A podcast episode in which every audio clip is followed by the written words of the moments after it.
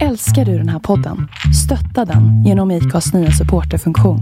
Det är helt upp till dig hur mycket du vill bidra med och det finns ingen bindningstid. Klicka på länken i poddbeskrivningen för att visa din uppskattning och stötta podden. Life is full of awesome what ifs and some not so much, like unexpected medical costs. That's why United Healthcare provides Health Protector Guard fixed indemnity insurance plans to supplement your primary plan and help manage out of pocket costs. Learn more at uh1.com. Ready to pop the question? The jewelers at BlueNile.com have got sparkle down to a science with beautiful lab grown diamonds worthy of your most brilliant moments. Their lab grown diamonds are independently graded and guaranteed identical to natural diamonds, and they're ready to ship to your door. Go to BlueNile.com and use promo code LISTEN to get $50 off your purchase of $500 or more. That's code LISTEN at BlueNile.com for $50 off. BlueNile.com code LISTEN.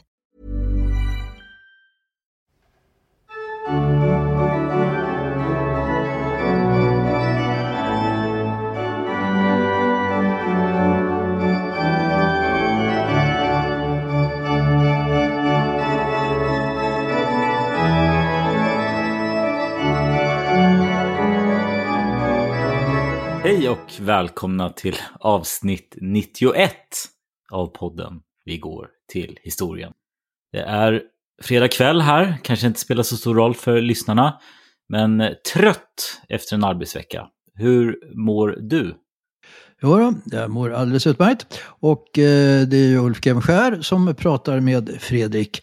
Och eh, i förra avsnittet talar vi om vad som hände under Karl XIs första år som myndig kung. Han åker på Eriksgata och på ett möte på en herrgård utanför Kalmar möter han tre intressanta personer. Farbrodern Adolf Johan på Stegeborg, Bengt Skytte och eh, Dulle Baner som alla tre hoppas få inflytelserika poster av den unge kungen. Men därav blev intet som du kommer ihåg. Vi talar också om spännande sjörövarverksamhet på Östersjön av Skyttes brorson och brorsdotter. Och vi berättar om skalden Lasse Lucidor och hans dramatiska slut på sitt liv. Och eh, jag ställde ju en fråga till dig. Eh, vi, vi, vi, vi såg ju en, en linje här från Lasse Lucidor och Bellman och sen när vi kom in på 1800-1900-tal, eh, kanske Evert Taube och längre fram då Cornelis Vreeswijk och, och Ulf Lundell och sådär. Och så, så frågade jag dig, vem skulle dagens Lasse Lucidor vara? Och du funderade lite på det. Så kom du på den geniala idén att vi skulle låta den frågan gå vidare till våra lyssnare. Och eh, den idén bland annat Dan skrev om att det här var ju en, ett, ett eh, förnämligt sätt att knyta an i nutiden till historien som vi brukar göra. Och vi har fått väldigt många förslag, jag vet inte om du har funderat vidare på det här. Eh, jag, jag tänkte, när jag pratade om Cornelis, han var ju ofta eller uppträdde ofta tillsammans med Fred Åkerström som väldigt eh, mycket passar in då på, på en, en Bellmans eller Lasse Lucidor-figur. Jag kommer ihåg eh, eh, från studenttiden i Uppsala vid ett tillfälle då de här båda skulle uppträda tillsammans och de var så berusade så de bokstavligen eh, ramlade av scenen faktiskt och konserten ställdes in. Det, ja, det är ju lite tragikomiskt kanske i perspektiv. Eh, men eh, båda geniala naturligtvis. Eh, som Är trubadurer. det, är det Sveriges variant på att eh, om alla som säger att de var vid Woodstockfestivalen, eh, var vid Woodstockfestivalen, då, då, då skulle det bli alldeles för många, eller hur är det? Ja, just det, just det, just det. Ja, det brukar man säga. Ja. Eh, jo, eh, men om vi nu går lite framåt. Alltså några, ett förslag som jag själv faktiskt tänkt på efteråt, det var ju Magnus Uggla. Jag, jag vet att jag tycker att, jag tycker att han platsar där. Ja, men det är ett bra namn. Det är faktiskt ett bra Ja, namn. ja. Jag vet inte riktigt om han lever upp till det här bohems eh, kravet, men ja. Nej. Eh, Ja, han, har ju, han blandar ju en drink varje fredag på sin Instagram. Ja, okej. Ja, ja. Så alkohol är med i bilden i alla fall. Mm, mm, mm. Det är i och för sig Ja. bara en drink, men... Ja, han kanske har påverkats av Lucidor Bellman-traditionen. Eh, En som, som ju på ett genialt sätt har tolkat Bellman, det är Joakim Tåström. Va? Eh, Det här imperiet och Vår skugga och så här ju. Och, och det är ju ma magisk, ma magiska eh, versioner av, av Bellmans eh, epistlar och sånger och så. Nu börjar vi nog närma oss faktiskt. Tåström. Mm. Torsten Flink är några som föreslår. Han har väl ett bohemiskt liv som heter duga förstås. Eh, men jag vet inte riktigt om han är någon trubadur direkt. Eh, sen eh, en, en lyssnare, Pernilla, hon har mängder med förslag.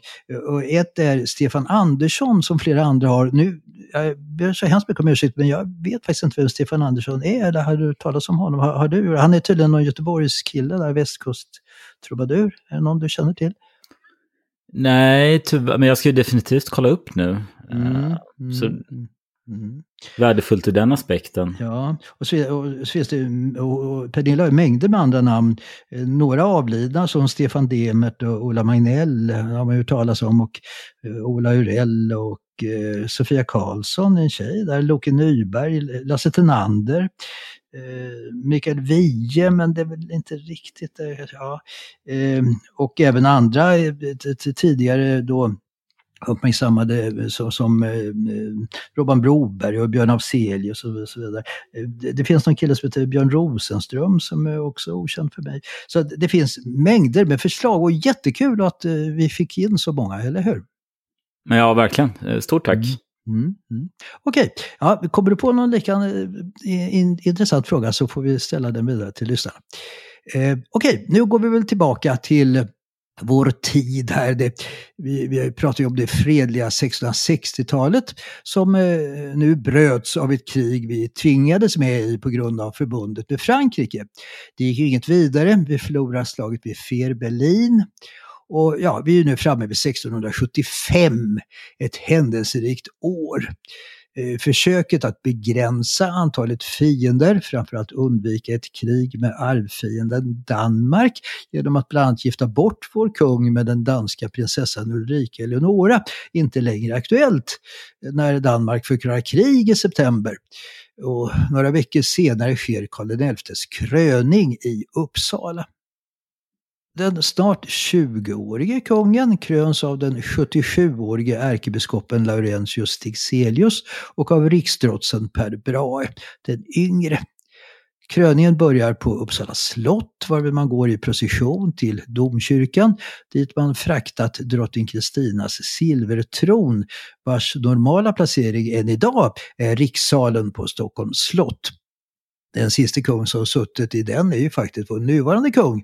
Vid ett tillfälle, 1974. Sen gällde ju nya villkor enligt Torekov-kompromissen. Och eh, året därpå kom ju inte riksdagen till slottet utan tvärtom fick monarken bege sig till riksdagen. Och hur kom han upp till riksdagssalen, kommer ni ihåg? Han åkte rulltrappan. Ja, ja närmast pinsamt minne tycker jag nog. eh, men eh, tillbaka till 1675. Så fick han eh, anmärkning på att han skulle ställa ner sin kaffekopp i diskmaskinen efter att de var klara. Eh, är det sant? Nej, nej. Det, nej, det. nej, nej. det var en, en myt. Alltså. Det, det är sådana här interna skämt ni har i, i Nej, men, men det är väl en typisk arbetsplatssituation där även cheferna ska ställa ner sin kaffekopp. Ja, just det. Ja, hans mamma jobbar ju inte där längre eftersom hon hade gått bort några år tidigare. Ja, eh, riksregalierna, om vi nu är tillbaka, Karl XIs kröning. Eh, de tar de fem höga riksämbetsmännen med sig när de rider till domkyrkan. Riksnyckeln har riksskattmästare Sten Bjelke. Riksäpplet, rikskansler Magnus Gabriel de la Gardie. Men nu händer något dramatiskt. De la Gardie ramlar av sin häst och tappar sin peruk. Och vad värre är, även riksäpplet som får några bucklor. Ja, det här tas förstås som ett dåligt omen, men kommer det visa sig, det är inte kungen utan rikskanslern som kommer att få svårigheter. Riksspiran bärs av riksamiral Gustav Otto Stenbock, rikssvärdet av riksmarsken Carl Gustav Wrangel och kronan slutligen av riksdrotsen Per Brahe den yngre. När kungen kommer fram till domkyrkan tas han emot av ärkebiskopen som utropar Välsignad vare han som kommer i Herrens namn. Och väl inne i domkyrkan blir kungen smord av helig olja och får de olika riksregalierna. Det är musik, psalmsång, predikan. Och sen går processionen tillbaka på samma sätt till slottet.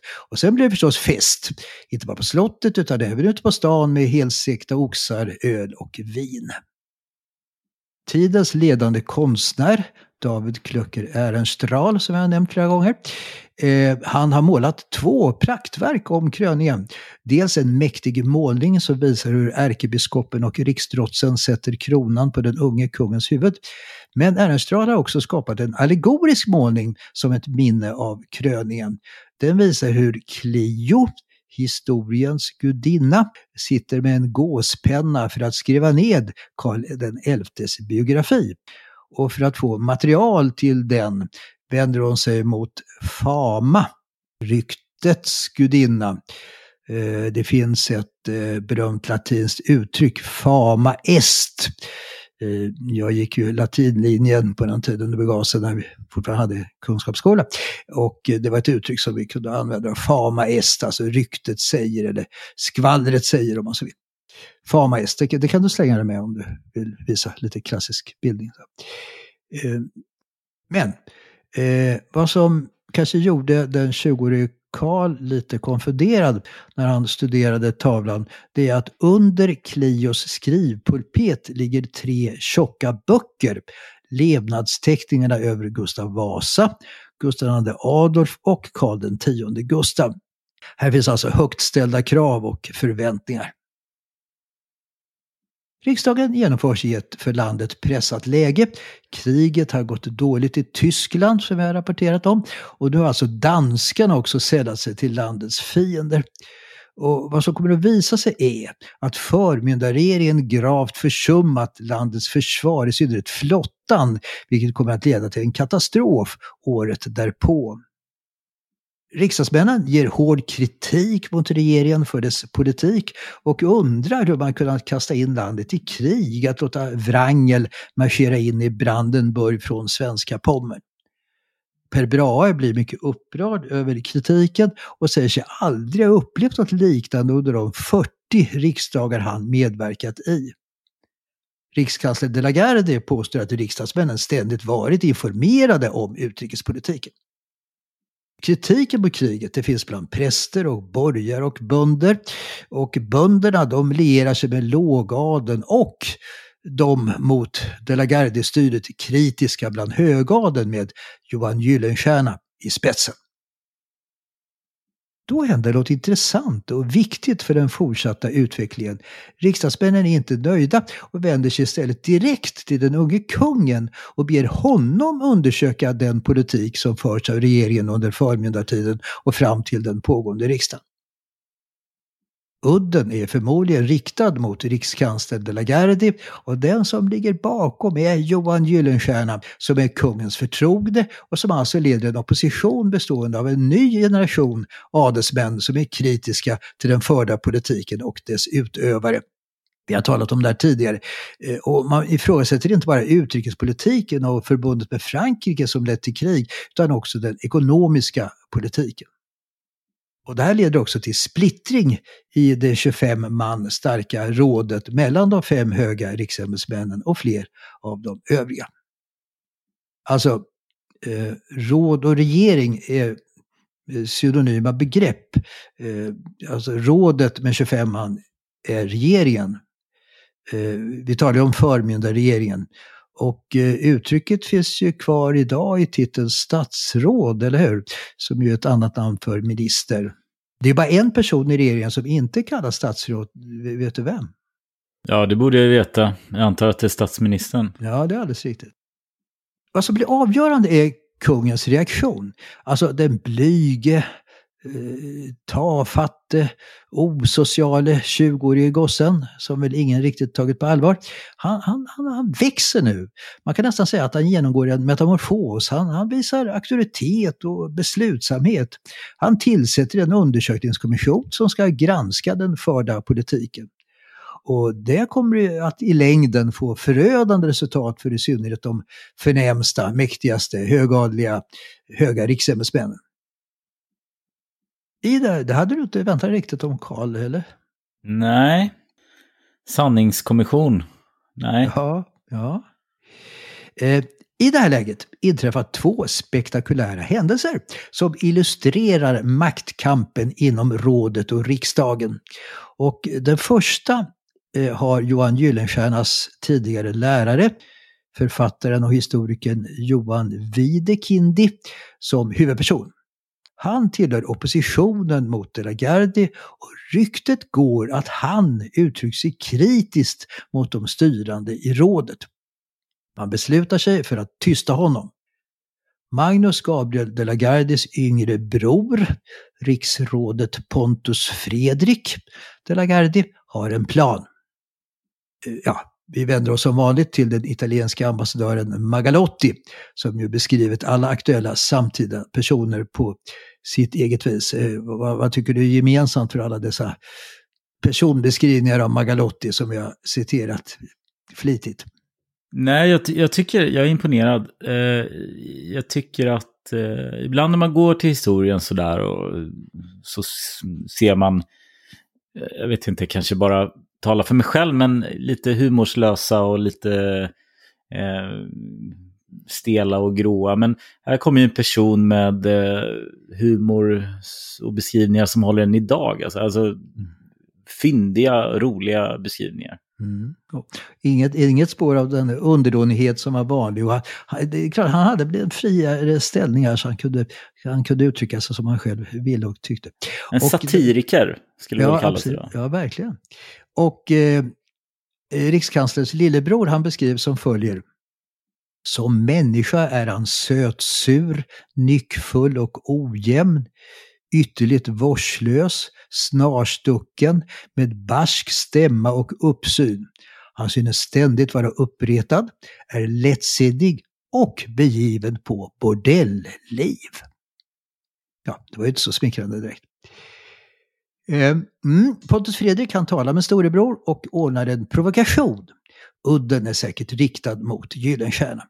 Videkindi bjuds in till en fest hos en kapten där spriten flödar.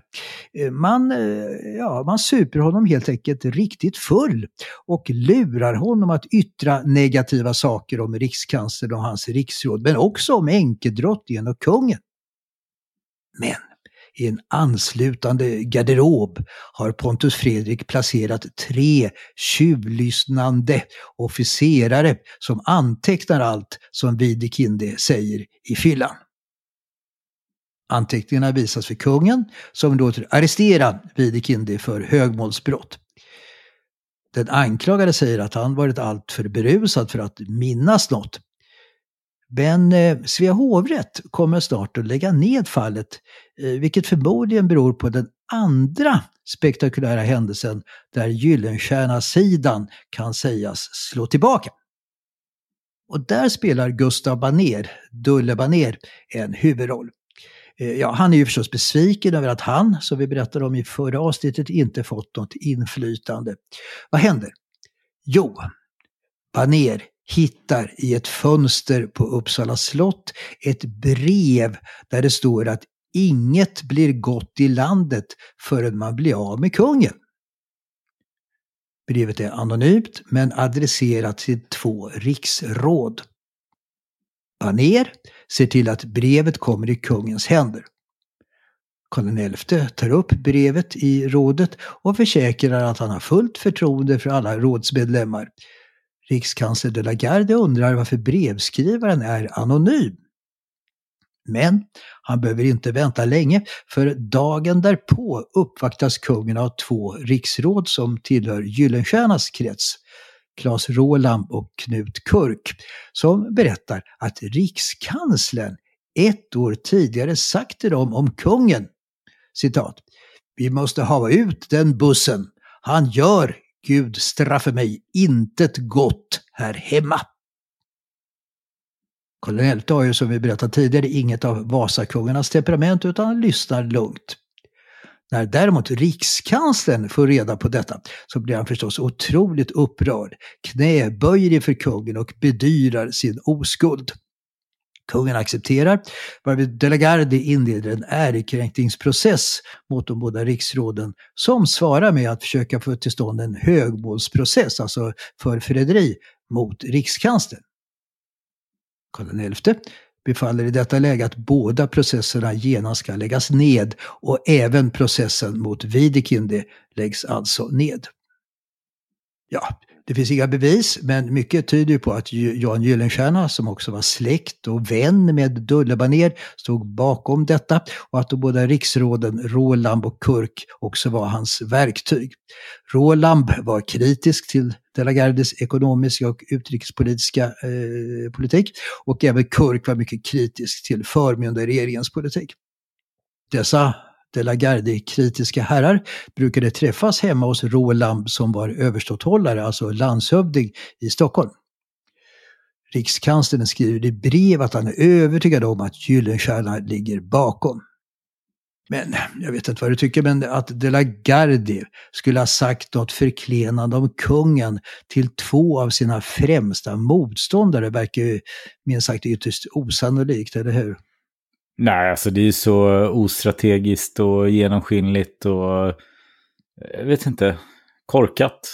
Eh, mm. Alltså bra kungen återigen då att, att mm. lägga, lägga, ner alla processer. Det är sandlådenivå förstås. Ja, visst, visst. Fast med livet som insats på något sätt. Jaha.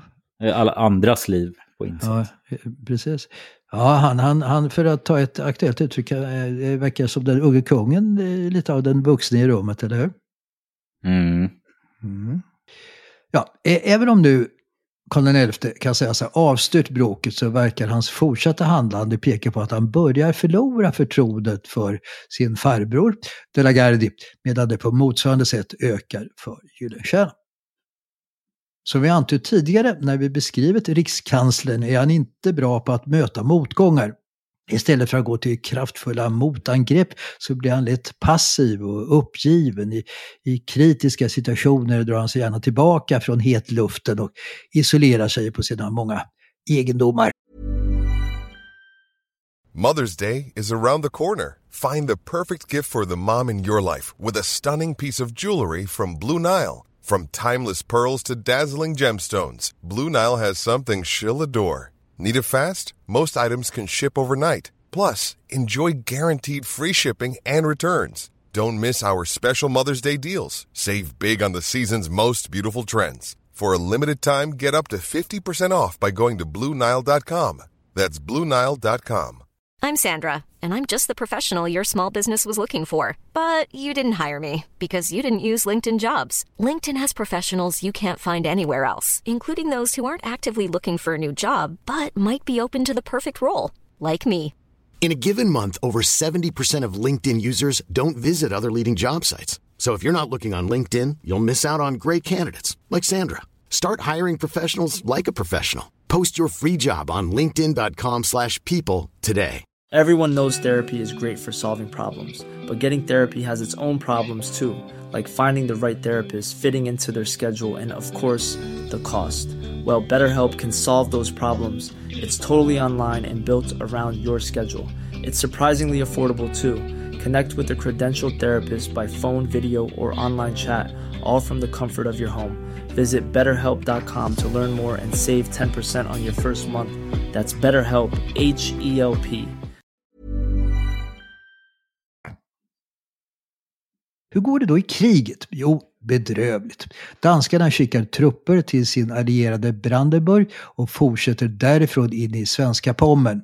Och på vägen dit erövrar man Bremen-Värden, Wismar, intas på julafton. Och även svenska Pommern kommer att ockuperas av danskar och brandenburgare. Generalguvernör Carl Gustav Wrangel drar sig tillbaka till sitt faderöda slott på Rügen. Gammal, trött, sjuk, lite bitter. Han dör året därpå. Jag vi kanske ska stanna lite vid honom innan vi lämnar honom. Carl Gustaf Wrangel är ju en av stormaktstidens största fältherrar och politiker. Vi talade en del om honom i vårt förra avsnitt. Framgångsrik under 30-åriga kriget och även till sjöss under 1644 års krig mot Danmark. Sen under Karl X Gustavs tåg över Bält fältmarskalk och riksamiral. Han blev ju också otroligt förmögen. Eh, du kommer ihåg eh, pappans råd där, den som tar han har. Som du tyckte var utmärkt eh, levnadsråd till, till en son. Mm. Och det du konstaterar att du aldrig hade gett då? Nej, jag har inte riktigt levt upp till det. Nej. Eh, Urfattig som jag är. ja, ja, du får skylla på det kanske. Ja, eh, Wrangel hade ju massa slott i Sverige. Skokloster är ju det mest kända. Gripenberg, kanske, kommer du ihåg det här mellan Tranås och Gränna, det där stora träslottet där som ligger på vägen? Eh, eh, han hade också många egendomar i Finland, i Livland, i Svenska Pommern och i Stockholm har vi ju det Wrangelska palatset, Svea hovrätt idag. Eh, och han var ju mycket mån om att skapa ståndsmässiga miljöer, skaffade mängder med konst, eh, möbler, böcker, vapen, framförallt då till paradslottet Skokloster. Jag tror han ville bli ihågkommen eh, för det, alltså skapa någon slags odödlighet för sig och sin familj. Eh, hans valspråk var Non est mortale quod opto. Alltså, det är inte det förgängliga som jag eftersträvar. Med sin tyska hustru får han elva barn men inga söner överlever föräldrarna. Vad man hoppas på är vår flotta. Med den ska soldater transporteras till Tyskland för att återta våra förlorade provinser där. Och den ska också förhindra en dansk landstigning i Skåne och att holländarna ska segla in i Östersjön. Ansvarig för flottan är riksamiralen Gustav Otto Stenbock. Men det visar sig att flottan är i ett bedrövligt skick. Den seglar ut från sin huvudbas Dalarö söder om Stockholm. Men det visar sig att fartygen inte underhållits. Tågvirket är ruttet, eh, maten ombord är skämd och sjömännen, matroserna, som är för få och dåligt övade, eh, matförgiftas, blir sjösjuka. Eh, de flesta officerarna saknar erfarenhet att leda en flotta och till på allt elände blåser upp till storm. Och allt sammantaget leder det till att många fartyg krockar med varann, driver redlösa mot Gotland där de med stora svårigheter lyckas vända tillbaka till sin bas. Karl XI tillsätter nu en kommission under ledning av Johan Gyllenstierna för att undersöka bakgrunden till detta förfall av flottan. Stenbock har ju varit den huvudansvarige och han får nu sparken som riksamiral och får betala en ansenlig bötesumma för sin försumlighet. Kungen skriver till honom att det inte hade behövt hända citat, så framt i hade högre skattat fäderneslandets bästa och välfärd än edra privata konsiderationer och velat hellre gå på fienden än så nesligt som nu skett vända tillbaka. Att kungen kan behandla Stenbock på detta sätt visar ju att han mer och mer nu tar över makten från de högadliga riksråden. Stenbock hade varit en av de främsta här, släkt med Per Brahe och gift med en syster till rikskanslern Magnus Gabriel de la Garde. Hans ersättare blir Lorenz Kreutz, som lika lite som föregångaren har någon som helst vana att leda en flotta. Och hans tid som riksamiral skulle vara bara ett halvår innan han bokstavligen går till botten med sin uppgift i den annalkande katastrofen. Den kraftfulla och energiska Gyllenstierna sätter igång en välbehövlig upprustning och blir nu kungens närmaste förtrogne. Vintern 1675-76 är ovanligt kall, så flottan kan inte löpa ut från sin huvudbas Dalarö. Riksrådet Erik Lindsköld Skänningesonen, du vet, en av kungens närmaste män som vi talat om tidigare. Han leder ett tappert försök att låta flera hundra bönder såga upp den tjocka isen ut i Östersjön. Men eh, får ändå ge upp när han märker att isen inte tar slut även när man kommit två mil ut, ut, ut i Östersjön. Ja, förmodligen är det väl här som kungen kommer på idén att flottans bas måste flyttas söderut till en plats med mildare vinterklimat. Eh, och en ny bas, en ny stad med kungens namn kommer att grundas några år senare, nämligen mm, Karlskrona. Ja, visst, visst. Det är ganska lätt var det ju. Ja. Frågan. Ja, frågan är lite, ja. Mm. Den danska flottan under befäl av den skicklige och erfarne norske amiralen Nils Juel är däremot inte overksam. Med stöd av holländska krigsfartyg ockuperar man i april Gotland utan att möta något nämnvärt motstånd. Den danska flottan är inte numerärt större än den svenska, men dess officerare och matroser är betydligt mer välutbildade och erfarna. De danska sjömännen kallade sina svenska kollegor för bonddrängar doppade i saltvatten. Vad säger du om det? Jag tycker det låter som en ganska bra kombination. ja, inte, inte så eh, lyckosam kanske i, i strider till sjöss. Med den förutsättningen. Lite hårdnackade, låter det inte? Ja. Eh, den stora drabbningen mellan den svenska och den dansk-holländska flottan äger rum den 1 juni nu 1676 utanför Ölands sydöstra kust. Slaget gäller helt enkelt makten över Östersjön. Sverige har faktiskt fler fartyg, 60 mot motståndarnas 42. Och Sverige är i desperat behov av att kunna föra över trupper till Tyskland för att ta tillbaka de förlorade provinserna där. Och kungen ger också order om att man ska ta tillbaka Gotland. Danmark vill få över trupper till Skåne och Blekinge för att inleda återerövringen av sina förlorade landskap. Allt går snett för Sverige redan från början. De ledande befälhavarna, Kreutz och hans närmaste man, amiral Claes Uggla, som faktiskt är sjöofficer, eh, för befäl över de båda största fartygen, Kronan och Svärdet, och missförstår varandras order.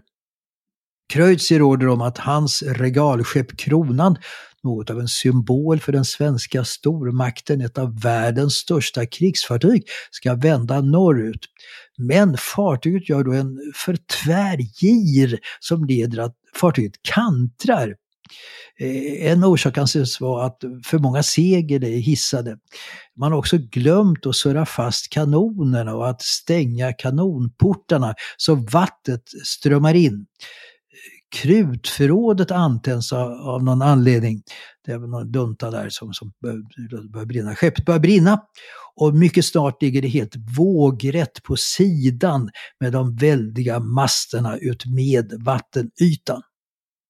Så sjunker fartyget i botten 800 sjömän med riksamiral Kreutz i spetsen går till Östersjöns mörka botten. Tillsammans med alla över 100 kanoner, en välfylld krigskassa och så vidare. Bara 39 personer överlever. Anders Fransén, som 1956 lokaliserade ett annat regalskepp, nämligen Vasa. Visst, han hittade 1980 kronan som låg på 26 meters djup. Och sedan dess har man varje sommar dykt och registrerat inte mindre än 30 000 fynd. Allt ifrån kanoner till guld och silvermynt och eh, matrester. Ett makabert fynd av de drunknades kvarlevor var att många visar prov på djupa hugg och skärsår i kranierna, i, i skelettens ben. Hur tror du de upp, hade uppkommit? Hmm. Alltså man hade ju inte varit i strid med fienden. Nej. Och det är ju heller inga skador som kan ha uppstått vid krutexplosionen. Nej. Ja, nej. Ja, enda förklaringen är väl att mannarna i panik och desperation hade börjat slåss med varandra för att försöka rädda sig. Nå, vad händer nu? Kronan förliste alltså innan slaget kommit igång. Amiral Uggla, som nu fått ta över befälet, kan inte bringa ordning i den oreda och förvirring som uppstått efter kronans förlisning. Uggla försöker gira undan det flytande kronan-vraket, men hans fartyg Svärdet omringas av fientliga fartyg som skjuter sönder stormasten och sätter eld på det. Hela fartyget brinner och bara 50 av 650 man räddar sig och bland de drunknade befinner sig Klas Uggla. Nu flyr återstående svenska fartyg åt alla håll. Några ytterligare sänks av fienden, några erövras. Nederlaget får katastrofala följder. Våra baltiska och tyska provinser är isolerade. Danskarna och holländarna behärskar nu Östersjön och danskarna kan nu planera landsättning av trupper i Skåne för att ta tillbaka de förlorade landskapen.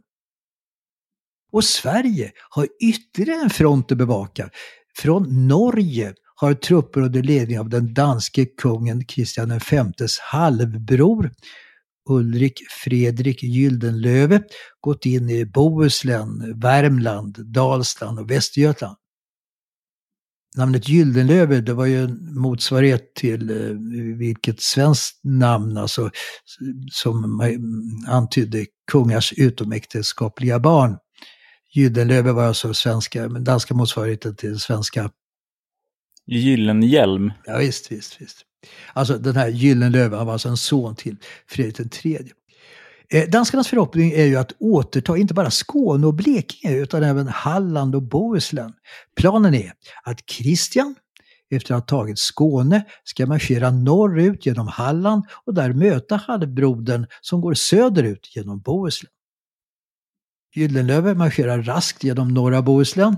Vid Uddevalla bryter han in i Västergötland och går vid midsommartid mot Vänersborg. Stan försvaras av en underlägsen styrka under en general Mörner. Civilbefolkningen flyr ut i båtar på Vänern eller upp på Halle och Hunneberg. Stadens garnison ger upp och Gyldenlöve gör ett stort nummer av segern. Han skickar bud till eh, Köpenhamn varpå kyrkklockor ringer i Danmark och Norge och han sprider flygblad och eh, han låter till och med prägla en, en medalj över segern. När danskarna lämnar Vänersborg finns inget kvar av staden. Allt har bränts ned. En soldat säger att där staden legat är det slätt som ett stuggolv och kvarvarande befolkning har dödats. Gyldenlöve fortsätter med att brandskatta Lidköping och Skara och sen in i Dalsland där gårdar och byar bränns och även många bönder bränns till döds för att sen i september gå mot Marstrand och Göteborg. Han belägrar Bohus fästning vid Kungälv som försvaras av den mycket duglige guvernören av Bohuslän, Harald Stake, som dock är till åren kommen 78 år gammal. Men Stake han vägrar ge upp. Jag kommer eh, en av våra lyssnare hade någon ja, skabrös anekdot om det. Läste du det? Ja, det var ju bäst alltså. Det var, eh, jag tror han hette Rickard någonting som hade någon anekdot om det där att han hade suttit på dass och sen... Eh, Staka alltså? Ja. ja, men exakt. Så hade han fått något eh, telegram om, eh, från den här eh, Gyllenlöve att typ, är du redo att ge upp? Mm. Och då hade han svarat jag torkar väl hellre med Gyllenlöve än ger upp. Fyndigt, kul. Kul. 1600-talshumor. Ja, ja, 70-plussan. Jag gillar ja, honom. Ja, det är kanske är din humor också. Ja, kanske, ni kanske är lite själsfrämmande där. Ja, eh, men alltså, vad som händer är att Gyllenlöve saknar tungt artilleri och sjukdomen härjar så han ger faktiskt upp belägringen tills vidare. Han skulle komma tillbaka. Nå, efter den svenska flottans katastrof är det alltså fritt fram för Kristian att landsätta trupper i Skåne. I slutet av juni går danska trupper i land vid Trelleborg och Ystad och de fåtaliga svenska försvararna drar sig tillbaka norrut mot Kristianstad. Men detta är en avledningsmanöver. Det är mindre danska styrkor som här gått i land. En invasionsflotta kan ostört sättas i land, sätta i land huvudstyrkan under kung Kristian i väster vid Rå utanför Helsingborg jag kommer ihåg, de hade ett väldigt bra fotbollslag på 50-talet som faktiskt stod i motsvarande superettan, division 2 som det heter. Eh, uh, okay. Det är en ansenlig styrka på 15 000 man fördelade på 21 regementen. Uh, Karl XIs armé omfattar bara 3 000 man, så han vågar tills vidare inte möta de invaderande fienderna utan drar sig österut i Skåne i väntan på förstärkningar. Ja, alltså det har ju bara gått 18 år sedan Skåne blev svenskt och ett stort problem är att befolkningen i stor utsträckning fortfarande var danskvänlig och ser invasionssoldaterna som befriare. Och där gäller alla samhällsklasser, adeln, prästerna, borgarna, bönderna. Fältprästen och senare biskopen i Linköping och ärkebiskop eh, Hakvin Spegel sammanfattade situationen genom den som det heter klockrena analysen. Det är lätt att föra krig när man haver sin fiendes undersåtar till trogne vänner. När man tänker på de skåningar som nu stred på dansk sida, vad är det för begrepp man, man, man tänker på då ju? Mm, det är de här snapphanarna va? Men mm det, här, det hade bara gått 18 år, men jag menar det har väl gått över 300 år och det är väl fortfarande många som skulle se Danmark som befriare. Ja, det, det är kanske så. Alltså, det är ju så att Skåne har ju längre varit danskt än det har varit svenskt fortfarande.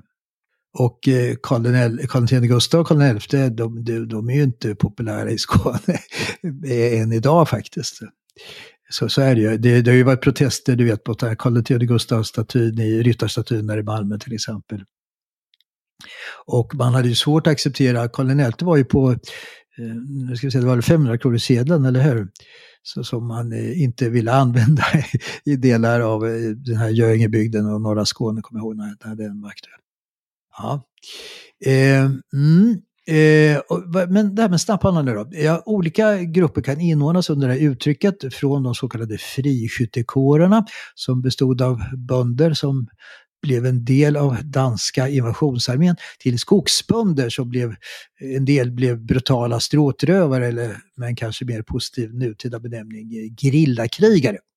Men bland den senare kategorin fanns det inte så fanns det en del inte så nogräknade personer som begått kriminella handlingar, som av olika skäl rymt till skogs och som inte samarbetade med den danska armén utan verkade på egen hand.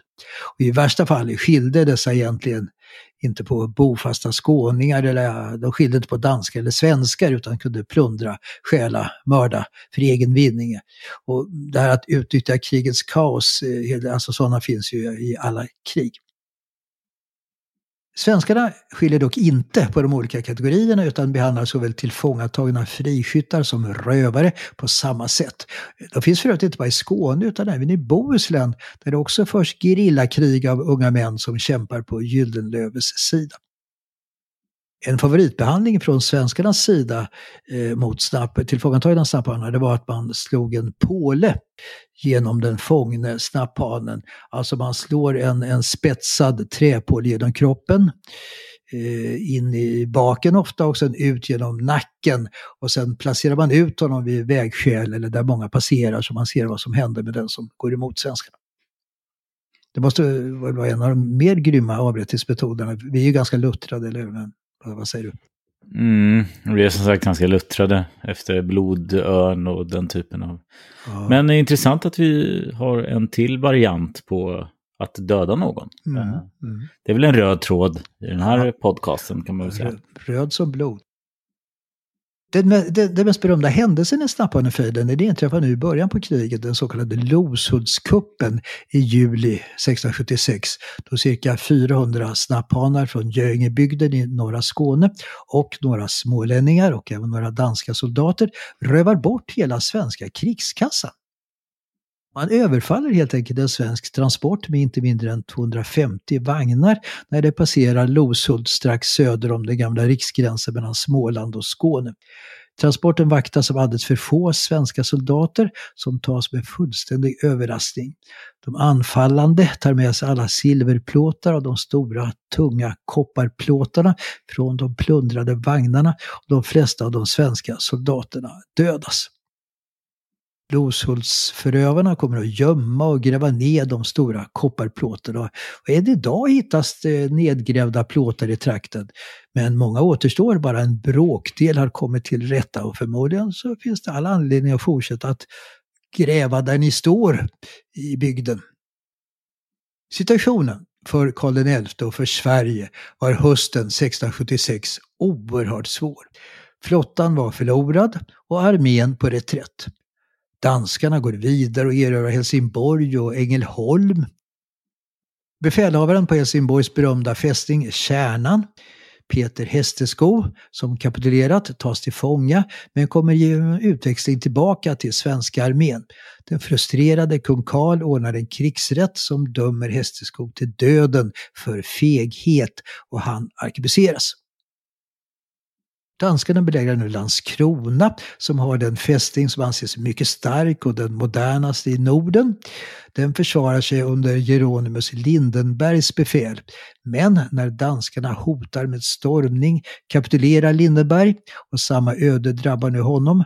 Först dansk fånge, sen utväxling, rättegång, dödsdom och avrättning på nyårsafton 1676. Ett tredje exempel har vi Karlshamn i Blekinge, en stad grundad och namngiven av Karl XIs far.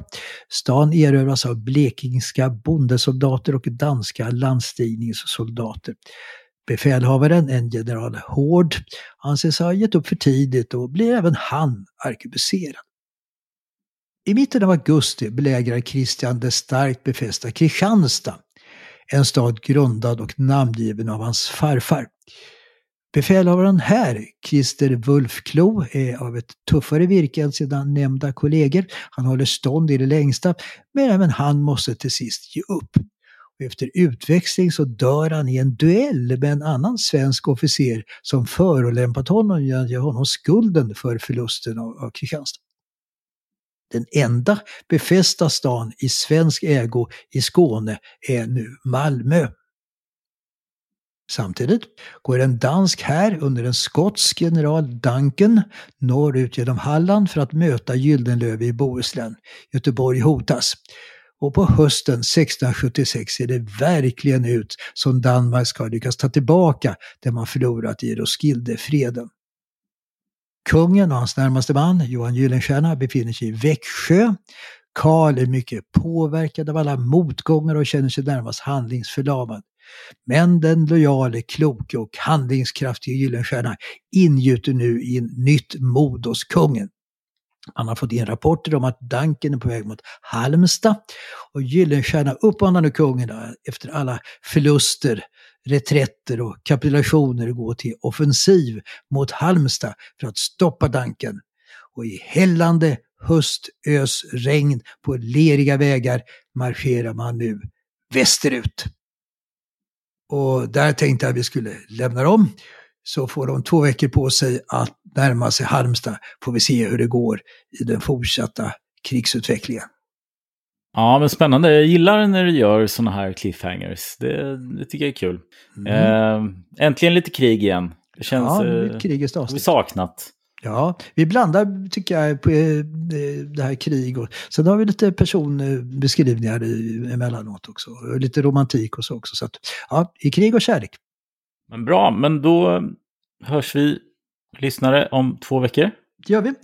Eh, tack eh, Fredrik och tack alla kära lyssnare. Och hej!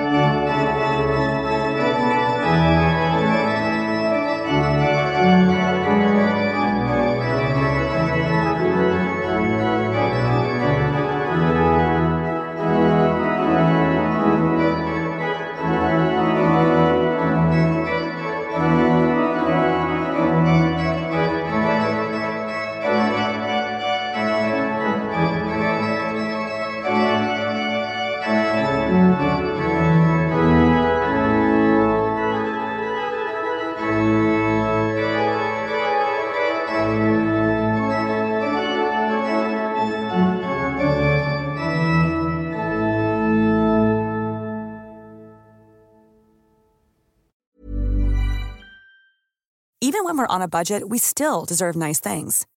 Quince is a place to scoop up stunning high-end goods for 50 to 80% less than similar brands. They have buttery soft cashmere sweaters starting at $50, luxurious Italian leather bags, and so much more. Plus, Quince only works with factories that use safe, ethical, and responsible manufacturing. Get the high-end goods you'll love without the high price tag with Quince. Go to quince.com/style for free shipping and 365-day returns.